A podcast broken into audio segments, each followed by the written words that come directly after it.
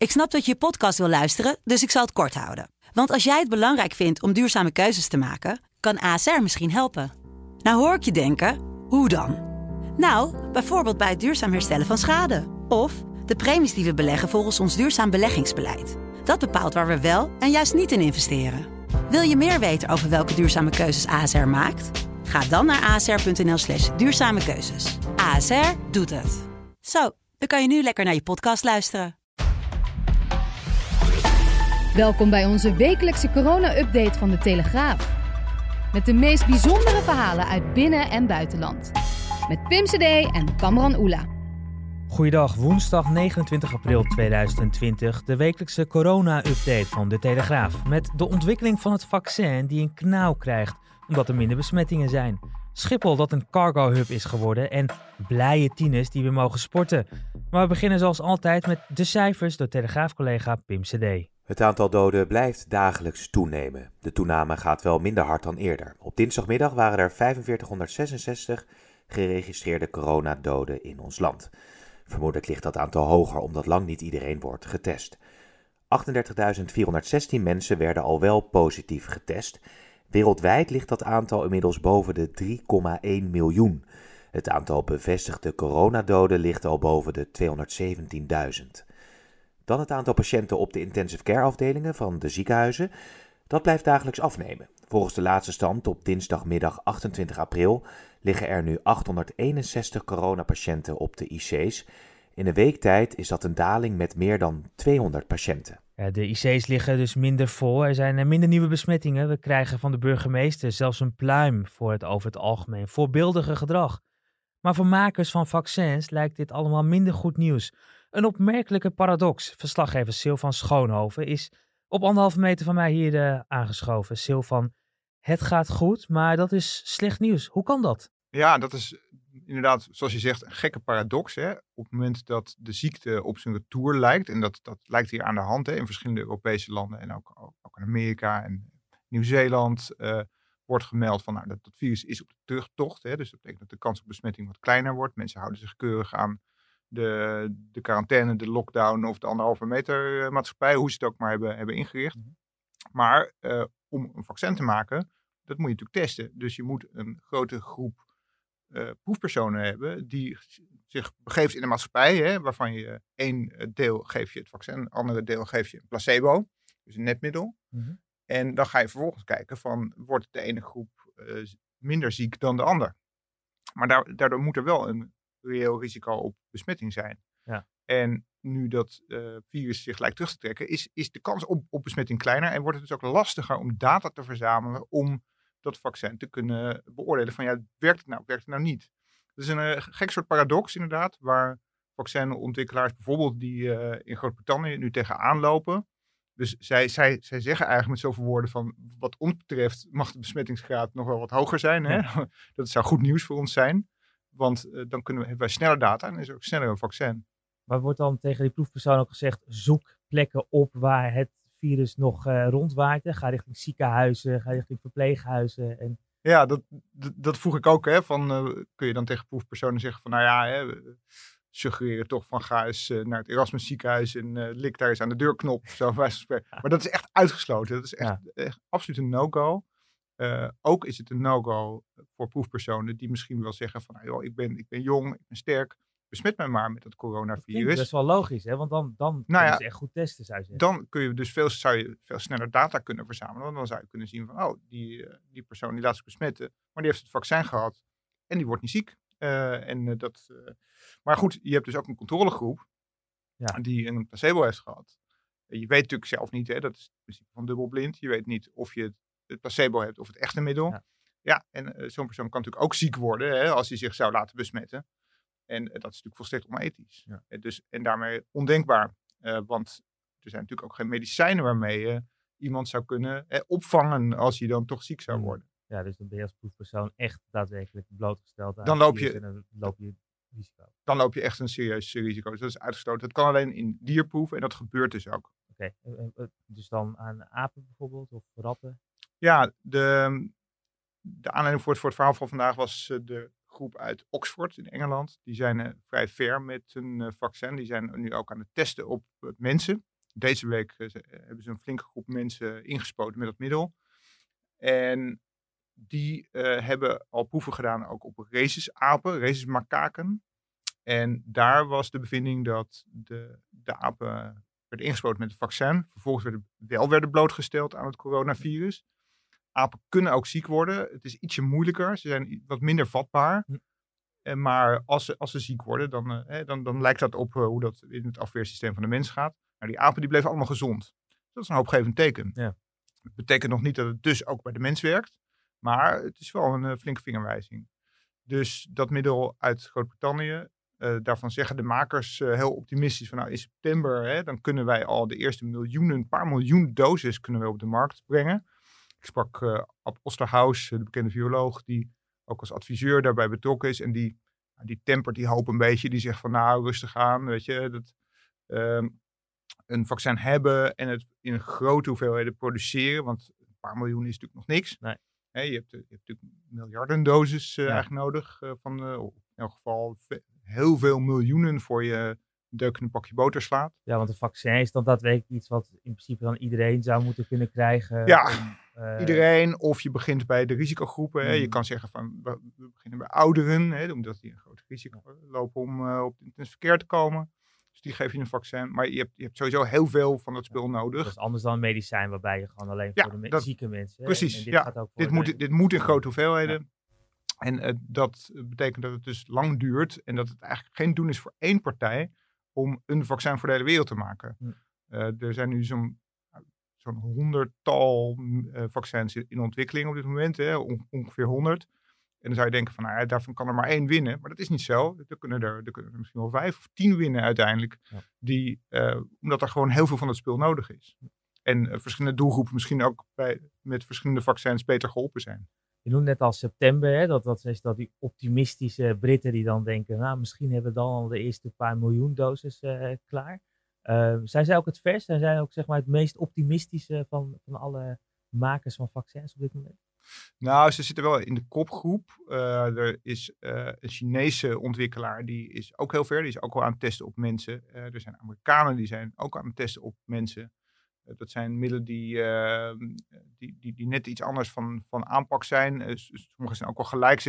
Ze nemen dan een, een verkoudheidsvirus, dat hebben ze als het ware kreupel gemaakt, hè, zodat het zich niet kan vermenigvuldigen. En daar hebben ze een stukje corona ingezet. En uh, daarvan hopen ze dan eh, te kunnen zien dat, dat dat een afweerreactie op gang brengt, zonder dat je dus ziek wordt. Nou, die, die verschillende buitenlandse groepen, je zou kunnen zeggen dat een kopgroep van 4, 4, 5 is die, die het verst zijn nu. Uh, maar niemand heeft nog het sluitende bewijs van het middel werkt. Dat, dat, dat volgt echt pas in het najaar. Eh, de truc die eh, sommige producenten wel toepassen is dus, hè, ze, ze ontwikkelen het. Eh, ze weten nog niet of het werkt, maar ze gaan wel alvast vooruit produceren. Dat doen de Britten, die willen dat ook doen. Dat doen, doen de Nederlanders ook. Hè. De Nederlanders zijn ook bezig met alvast middel, middel produceren, zodat ze al een flinke voort op de kast hebben, op de plank hebben liggen. Voor het geval blijkt dat het helpt. Mhm. Helpt het niet, ja, dan kun je door de wc spoelen in feite. Ja. Zonder van het geld, maar het is toch de investering waard voor het geval wel blijkt te werken.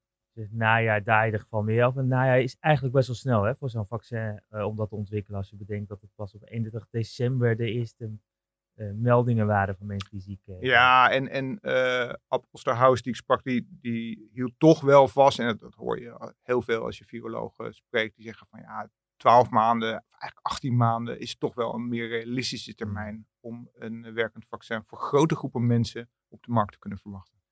Tot slot, uh, je hebt uh, eerder ook geschreven over Nederlandse uh, vaccinbouwers of makers. Hè, dus de ontwikkeling die ook hier gaande is. is daar nog iets nieuws over te melden? Nou, we hebben niet gehoord of, of daar doorbraken zijn gepleegd. Hè. Je, je, hebt, verschillende Nederlandse groepen die bezig zijn met ofwel medicijnen ofwel met vaccins. Johnson Johnson, het, het Nederlandse Janssen uit Leiden.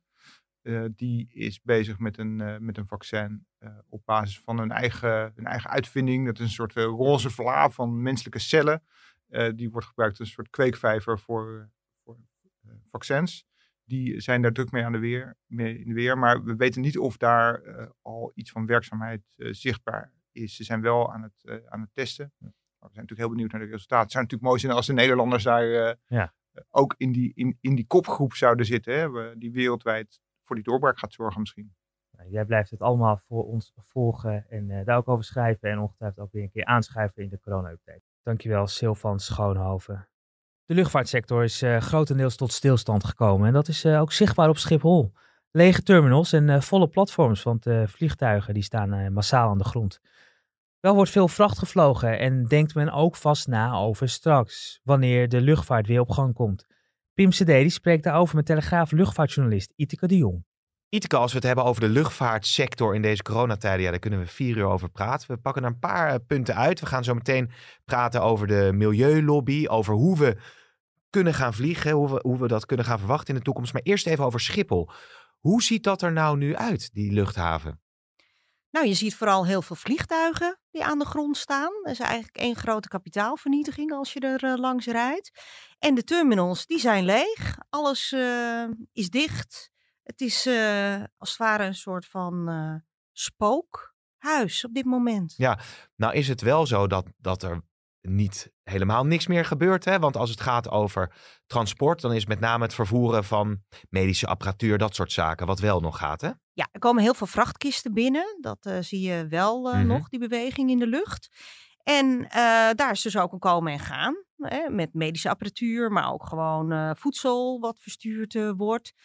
En um, ja, normaliter wordt 90% van de luchtvracht wordt in de buiken van passagierstoestellen wordt vervoerd. Ja. Dus er is nu minder uh, capaciteit beschikbaar. Dus de vrachtvervoerders hebben het op dit moment heel erg druk. Ja, en wat zijn dan nog de uh, vluchten vooral waar veel op gevlogen wordt? Van Amsterdam waar naartoe? Uh, KLM heeft 25 internationale bestemmingen. Ehm, onder meer China, ehm, en ook Amerika. Maar dat is primair voor de vracht en voor repatriëring. Ja. En uh, binnen Europa kun je eventueel nog vliegen. Uh, sinds anderhalve week kun je met een gezondheidsverklaring, kun je bijvoorbeeld weer van Italië naar Nederland uh, Oké. kun je komen. Maar goed, dan moet je, als je dan in Nederland bent, moet je twee weken in thuisquarantaine. Dus ja, of dat nou zo leuk is voor een familiebezoekje, weet ik niet. Nee. Dus het toeristische verkeer en het zakelijk verkeer, dat ligt eigenlijk helemaal gewoon op zijn gat op dit Ja, moment. en dat is natuurlijk eh, de vraag die heel veel mensen op dit moment hebben. Kan ik op vakantie met het vliegtuig in de zomer? Hoe ziet dat er dan uit? Er zijn wel mooie animaties van verschenen bij ons in de krant, maar schets eens een scenario. Ik wil in oktober, veilige marge, wil ik lekker vliegen naar Italië of misschien wel naar Turkije of Amerika. Hoe gaat het er dan aan toe in het vliegtuig? Nou, de luchtvaartmaatschappijen koersen nu op dat iedereen dan met een mondkapje, handschoenen uh, aan in het vliegtuig uh, zit. Je krijgt je catering als je binnenkomt, dat de stewardess zo weinig mogelijk contact met je hebt. Oké, dus echt bij de deur krijg Ja. je je voedsel. Ja, dan krijg je voedsel. Je koffer moet je afgeven van tevoren. Dus geen, geen ge- gedoe met, eh, met rolkoffers eh, in de cabine in ieder geval. En eh, er zijn bepaalde eh, luchtvaartmaatschappijen die denken dat ze een aantal rijen eh, niet bezet eh, zullen laten in Mhm. het vliegtuig. Maar ik acht die kans toch eh, wat kleiner. eh, want eh, dat, ja, daarmee ehm, wordt vliegen meteen ook duurder. Dus die luchtvaartmaatschappijen die willen eigenlijk zoveel mogelijk stoelen verkopen nog steeds. Ja, En ehm, ja, want anders wordt de vliegticket zomaar drie keer zo, zoveel duurder dan nu. En dat heeft natuurlijk weer zijn weerslag op de vraag. Dus als je het weer een beetje op gang wil brengen, moet het toch weer een beetje een acceptabele prijs zijn. ja maar goed, ik, ik denk even met je mee. Ik kom daar aan Ja. met mijn rolkoffertje. Nou, Ja. die lever ik dan in aan de ingang bij het vliegtuig. Dan moet je ook al goede afstand tot elkaar hebben, neem Ja, ik aan. Als Op de passagiers. luchthaven wordt dat ook nog een hele grote uitdaging. Nou, bij de douane bijvoorbeeld en zo. Ja, ja, ja, en daar zijn luchthavens nu heel erg hard mee aan de slag. Want kijk, bij dat vliegtuig, ja, dat gaat allemaal wel lukken, weet je wel. Maar goed, door die security, eh, bij de gate, eh, ja, eh, hoeveel... En Schiphol werkt nu met piekmomenten. Ja, je moet eigenlijk ook toe naar een andere dienstregeling, zodat je de, hè, ehm, de, de passagiersstroom in de terminal Ja. ook beter gaat Ja. spreiden. Ja, maar dan zit ik uiteindelijk in dat vliegtuig. Dan willen ze toch het aantal stoelen op een hoog niveau houden. Om ja, zoveel mogelijk passagiers te kunnen vervoeren. Maar Ja, het lijkt mij een besmettingshaard, zo'n vliegtuig, als je hutje-mutje naast elkaar zit. Hoe, wat gaan ze daaraan doen dan? Nou ja, mondkapjes. Maar ook, Eh, ik, ik zag ook al in de krant van die, ja, dat je in cabines zit en zo. Ja, ja, ja. Dus dat je, dat je eigen hokje zeg maar hebt. Ehm, ik denk dat dat een oplossing is voor de wat langere termijn. Mocht dit echt jaren gaan duren, Mhm. dan zul je dat zien. Maar voor de korte termijn denk ik dat je er echt moet denken aan mondkapjes voor iedereen, beschermende kleding voor de stewardessen, die handschoenen aan en eh, acht uur lang of hè, op, dan maar op een houtje bijten om ergens eh, te komen. Want je moet je voorstellen om alle stoelen in een vliegtuig te vervangen, dat kost jaren om een hele vloot eh, aan te passen. Dus misschien dat dat gaat gebeuren op routes die, eh, waar heel veel passagiers eh, op zitten, bijvoorbeeld Ja. Amsterdam-New York of zo. Maar voor een vakantievlucht naar Ibiza verwacht ik Nee. dat eerlijk gezegd niet. Ik zie me al zitten ergens naar Zuid-Amerika. Dan krijg je Ja. dus bij je entree krijg je dus je, Ja. je, je avondeten en je ontbijt mee, bij wijze van Ja, spreken. ja. Gewoon een pakketje. een pakketje. Want het is niet meer zo, wilt u vlees of, of, vlees of vis? Nee. En dat is nu ook al zo op bepaalde. Oh ja, en je kunt ook nog denken aan een temperatuurcheck bij Ja, het, eh, bij het ja, ja. instappen. Want Emirates die doet dat nu al en KLM doet dat ook al op een eh, aantal vluchten vanuit eh, bijvoorbeeld New York en Ja. Singapore. Maar ik zei inderdaad van nou, een beetje herfstvakantie weer vliegen. Aan de andere kant heeft Argentinië net bekendgemaakt dat de komende vier maanden er nog helemaal geen vliegtickets worden verkocht. Hoe groot is de kans dat we over een paar maanden weer met z'n allen in het vliegtuig zitten, misschien wel intercontinentaal? Nou, die kans die acht ik in de zomer nog erg klein. Dan moet het nu echt eh, de komende weken eh, moet er echt een versoepeling komen. En want eh, ja, luchtruimen zijn nu gesloten. Ja. En dat is iets dat ligt bij in, is de verantwoordelijkheid van staten. Dus ehm, ja, en landen kijken gewoon van, is die pandemie hier onder controle? Hmm. Want eh, je moet je voorstellen, met luchtverkeer komen er ook weer hele grote eh, mensenstromen komen op gang. Waardoor je dus weer nieuwe Wat je besmettingshaarden in China kunt weer krijgen. zag eigenlijk, hè? mensen Ja, die van buiten kwamen Ja, en dus het meenamen. eh, wil het luchtverkeer normaliseren, dan moet die pandemie echt onder controle zijn. En hè, wellicht door middel van een vaccin. Dus in die periode daarvoor zul je zien dat het mondjesmaat weer wordt eh, opgestart. En ik denk niet dat je deze zomer al met je mondkapje naar Ibiza kunt eh, Nee. vliegen als Spanje nog eigenlijk in een lockdown is. Hè? Nee. Want dan ben je daar in Ibiza, maar dan kun je niet naar een terrasje toe. Nee. Dus het moet ook het openbare leven moet ook enigszins genormaliseerd zijn voordat je dat toerisme weer op gang gaat brengen. Ja, ondertussen zijn overheden natuurlijk bezig om de luchtvaartmaatschappijen overeind eh, te houden. Dat ze deze tijd door kunnen komen. Nou, in Nederland natuurlijk ook bekend eh, ja, miljardensteun voor KLM. Maar wat je merkt is dat er heel veel voorwaarden eh, aangesteld gaan worden. Dat de politiek eigenlijk zegt van nou KLM, jullie krijgen dat geld. Of jullie krijgen die steun. Maar dan willen we dat jullie zuiniger vliegen. eh, bepaalde pretvluchten niet meer uitvoeren. Het liefst wordt de Schiphol meteen ook een stuk schoner. Wat valt jou daarin op? Nou, dat het heel erg eh, politieke stokpaardjes zijn. Hè? Iedereen, elke politieke partij probeert nu uit de reding van KLM eigenlijk zijn eigen ja, eh, stemmers naar zich toe te halen. Mhm. En, en nu loop je dus het risico dat er maanden gedelibereerd gaat worden over welke voorwaarden waaraan KLM dan zou moeten voldoen. En dan kom je dus eigenlijk in de situatie waarbij dan de operatie uiteindelijk geslaagd is, maar de patiënt, KLM in dit geval, overleden. En in zo'n crisissituatie gaat, gaat het vooral om snelheid. Dus eigenlijk moet je KLM nu de ruimte geven om straks die routes weer op te starten en weer een beetje geld te verdienen. En dan komen al die eisen, die komen later wel. En vergeet je niet, KLM heeft de afgelopen jaren al heel erg geïnvesteerd in zuinige vliegtuigen. Ja. Ze had beloofd om de 747 met de vier motoren, die lawaai, erg eh, veel lawaai maakt, om die aan de grond te zetten. Nou, hè, weet je, als het acceptabel is voor de Kamer, nou goed, ga dan maar gauw. Maar de ervaring leert de afgelopen jaren op het luchtvaartdossier is dat discussies in de Tweede Kamer waren eindeloos. Eh, Ze, ze, ja, eh, aanvliegroutes, technische specificaties. De Kamer kon er geen genoeg van krijgen. En als KLM ergens aan had voldaan, dan zei de Kamer... ja, maar nu willen we nog even dat je door dit andere hoepeltje gaat springen... Mm. voordat je verder mag groeien. Dus en dit, eh, deze eisen, ja, die hebben dat natuurlijk ook in zich. Dat je eindeloos kunt gaan praten over... wat is dan genoeg CO, eh, minder Ja. CO2? Ze zien ook, zou je, eh, de eh, bepaalde politieke partijen zien misschien nu ook hun kans schoon om nu die, die verduurzamingslobby er doorheen te krijgen bij KLM.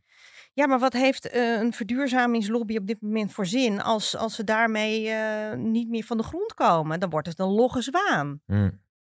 Ja, Hè? Dus dat, dat, ja, dat is natuurlijk, eh, het is allemaal heel nobel en, en heel, heel goed gedacht. Maar om een netwerk weer herop te bouwen, moet je eigenlijk barrières zoveel mogelijk weghalen. Ja. In het midden van de coronacrisis heeft de Tweede Kamer nog de vliegtax aangenomen. Ja. ja, dat is eigenlijk weer een barrière om die vliegtuigen voller te krijgen. Ja, nou, nou eh, volg jij KLM natuurlijk heel intensief. Eh, hoor jij eh, vanuit die organisatie wel geluiden hierover dat ze, dat ze ja, verbazing, ergernis over de, over de politieke voorwaarden die worden gesteld aan de steun? Of ja, ze zullen hun vingers er nu niet aan branden natuurlijk. Nou, zij gaan daar nu publiekelijk niks over zeggen. Maar ik weet wel, voor, van, voor de coronacrisis was daar wel zeker ergernis. En president-directeur Pieter Elbers heeft zich daar, vlak voordat de crisis op, eh, echt hevig werd, heeft zich daar ook wel echt over uitgelaten. Hij vond het onbegrijpelijk dat de Tweede Kamer akkoord is gegaan met de vliegtax. Ja. Terwijl ze eigenlijk al heel vet in de problemen zaten. En de Tweede Kamer die wilde daar gewoon niet naar luisteren. Dus zij zitten nog heel erg in de pre-corona-modus. Dat is eigenlijk een beetje wat ik zie de afgelopen weken. Ook deze eisen, allemaal leuk, duurzaam, eh, valt allemaal te prijzen. Maar ja, het is zo'n stapel geworden in de Ja. afgelopen weken. Daar valt voor het bedrijf al bijna niet meer aan te Nee. voldoen. Nee, wordt ongetwijfeld eh, vervolgd. Wanneer zit jij weer in een vliegtuig, Iteke? Ik heb geen idee. Wat, Maar twee maanden geleden stond ik nog in de Verenigde Staten bij Boeing. Moet je kijken hoe de Nou, wereld is we veranderd. gaan eh, het in de gaten houden en we spreken je snel weer. Dankjewel. Al dus luchtvaartverslaggever Iteke de Jong. Ja, lange tijd golden de maatregelen tot en met 28 april en dus zouden vanaf deze woensdag er mogelijk versoepelingen komen. Die kwamen er, weliswaar beperkt. Zo mogen 70-plussers weer bezoek ontvangen van één of twee gezonde volwassenen en dan ook altijd dezelfde. Mogen minderjarigen weer het sportveld op. Kinderen tot 12 jaar mogen zelfs echt met elkaar sporten. En topsporters die mogen weer in groepsverband trainen, mits ze anderhalve meter afstand houden. Dat is goed nieuws voor gouden Paralympiër Lisa Kruger, de zwemster die traint voor de Spelen in Tokio en nu aan de lijn hangt. Hi, goeiedag. Hoe lang heb je al niet in het zwembad gelegen? Oeh, eh, het is nu anderhalve maand, zes weken, ja, zoiets. Had je, dat Misschien ooit, nog een half erbij zelfs. had je dat ooit kunnen bedenken dat je zes weken lang niet in het zwembad zou liggen? Nee, nee, dat is zelfs als wij eh, vakantie krijgen na een week of naar de Spelen, dan is dat geen zes weken. Dus eh, zes weken niet in het eh chloorwater liggen is wel echt eh, heel bizar. Ja, dus je mist het ook echt. Ja, ja absoluut. eh, uiteindelijk wel, ja. Nu, Ja. eh, in die tussentijd werd ook wel bekend dat, eh, dat de Spelen, de Paralympische Spelen in jouw geval, eh, zijn uitgesteld. Nou, Ja. Dus lig je, kan je weer je schema's gaan aanpassen. Is dat ingewikkeld geweest de afgelopen weken? Nou goed, ik ben zelf niet degene die, die de schema's schrijft. Ik vertrouw daarin in volledig op mijn, op mijn coach. Ja. En nou goed, hij is daar druk mee bezig. Hij was ook heel druk bezig met voor ons, voor iedereen uit het team, eh, persoonlijk eh, programma's maken op de fiets, op een roeiapparaat, op, eh, met hardlopen, wat dan ook. Dus ja, die heeft ook wat, drukke, wat drukke weken achter de rug, ondanks dat hij geen training kon geven. Ja. En wat betekent dat voor jou? Hoe, hoe, probeer je, hoe blijf jij nu op dit moment fit? Wat doe je? Ehm, ik heb van mijn oom, die had, eh, ja, bij hem thuis heeft hij, had hij een soort kleine gym had hij, eh, gemaakt. Daar eh, heb ik een fietsapparaat en een roeiapparaat van gekregen. En een apparaat waar ik wat krachttraining mee kan doen. Dus nou goed, ik heb dat dan gewoon opgestuurd naar mijn coach. En die heeft daar een, een programma mee gemaakt. Dus met fietsen, met roeien, met hardlopen. En uiteindelijk is het me gelukt om bij een hele aardige man... die, ehm, die jetpools eh, en ehm hot tubs verkoopt om daar in een, eh, in een zwembad met jetstream te mogen trainen. dus dat ik in ieder geval iets kon zwemmen, een paar keer in de week. Ja. Maar eh, daar was ik ontzettend blij mee. Maar het is toch anders dan in een zwembad. En je kan ook niet de trainingen uitvoeren die je in een zwembad kan. Dus het is... Het was een goede oplossing, maar eh, ik ben heel blij als we zo meteen weer in het zwembad mogen. Ja, want dat moment Ja. komt echt nu dichterbij. Hè? Het is nu eh, woensdag eh, de 29e van april. Wanneer mag jij weer Ja. het zwembad met chloor in? Het plan is morgen. Maar we moeten nog wachten op definitief groen licht. We hebben een heel plan opgestuurd met hoe we aan alle ja, hygiënemaatregelen gaan voldoen en aan de anderhalve meter afstand. Dus eh, de plan is ingediend en het, ik heb het bekeken en volgens mij zag het er allemaal goed uit. Ja. Dus eh, ik hoop dat we daar inderdaad voor morgen groen licht op krijgen. En dan eh, mag je daadwerkelijk weer het zwembad in. Gaan die trainingen er, Ja. er anders uitzien dan in het verleden? Want er is dus een heel plan Ja. gemaakt. Wat, wat is er straks anders dan in het oude normaal? Oké, ja. Ehm, iedereen moet gaan zwemmen op zijn eigen baan. Normaal hebben we, huren wij maar vijf banen in het bad. En daar trainen we met z'n allen op. Maar het zwembad is nou leeg, wordt gelukkig voor ons opengegooid. En eh, dat maakt dat wij met z'n allen uh, soms in meerdere shifts, want we hebben meer dan tien zwemmers. Dus er zijn maar tien banen. En op die manier uh, ja, wordt een beetje verdeeld wie wanneer gaat trainen. Ja. En voor onze krachttraining um, is het zo dat in het zwembad het complex, dus een sportcomplex, um, dus daar is ook een, een echte grote sporthal aanwezig. Mm -hmm. Dus apparatuur uit de gym, uit het fitnessgedeelte, die worden dus verzet uh, naar uh, de sporthal voor ons. Mm -hmm. Waardoor je dus die anderhalve meter afstand wel gewoon kan waarborgen. Ja, en verder is uh, zelf op de hygiëne heel goed letten. Iedere keer als je zo'n apparaat gebruikt hebt, dus schoonmaken. we mogen alleen maar dus daar komen, bij het zwembad komen en bij de zijingang komen. We mogen er niks aanraken, we mogen naar de kleedkamers. We moeten op het land op een manier omkleden. Mm -hmm. Dus ja, het is een, alles volledig op dat je zo aanraakt, zeg maar. Ja, dat, het, het, wordt wel even wennen dus, als ik het zo hoor. Ja, dat, dat wordt even wennen. Anders dan normaal gewoon, ja. ja. En dan op naar de, de, de Paralympische Spelen, volgend jaar dus in, Ja. in Tokio. Uh, Ja. En dan ga je ons, je gaat gewoon weer voor goud, denk ik. Hè? Want dat heb je op 15-jarige leeftijd, vier jaar geleden al gedaan. Jij laat je niet uit het veld 16. staan. Ik was net 16 toen dat eh, gebeurde. Oh, net ik, 16? eh, ik was net 16, ja. Nee, dus ehm, ja, eh, het was nu ook voor mij super gaaf. Mijn belangrijkste afstand was gepland op mijn verjaardag, dat ik 20 zou worden. Ja. Maar goed, dat is dan nu dus eh, met een jaar en één dag opgeschoven. Dus ik heb nu op mijn verjaardag net een eerste dag vakantie. Maar eh, ja, nog steeds, eh, ik denk, eh, ik hoop dat het, eh, dat het goed komt. En inderdaad, het doel is weer een gouden medaille in ieder geval. Ja. En ik wil daarbij, als doel heb ik het voor mezelf gezet, ik heb mezelf wat meer afstanden ben ik gaan inzetten. En dus ik hoop met nog meer medailles dan één terug te komen zometeen. Nou, dat begint dan met in ieder geval weer een daadwerkelijke zwemtraining in een echt bad. Hopelijk deze week ja. dan al op de donderdag. Ja, ik hoop het. Eh, het zou echt top zijn als we weer kunnen beginnen. Ja. En wij gaan eh, je gouden rit naar Tokio blijven volgen. Lisa Kruger, Yes, dankjewel. En eh, Pim die spreekt met de 15-jarige Mats die er naar uitkijkt om weer op het sportveld te staan. hey Mats, jij kan dus weer gaan trainen. Hoe belangrijk is dat voor jou? Uh, ja, ik vind het wel heel leuk om weer te gaan trainen. Ik heb een best lange tijd niet getraind en uh, ik vind voetbal altijd heel leuk om te doen. Vooral de wedstrijden mis ik wel het meest. Ik ga wel alleen op donderdag trainen. Normaal train ik dinsdag en donderdag.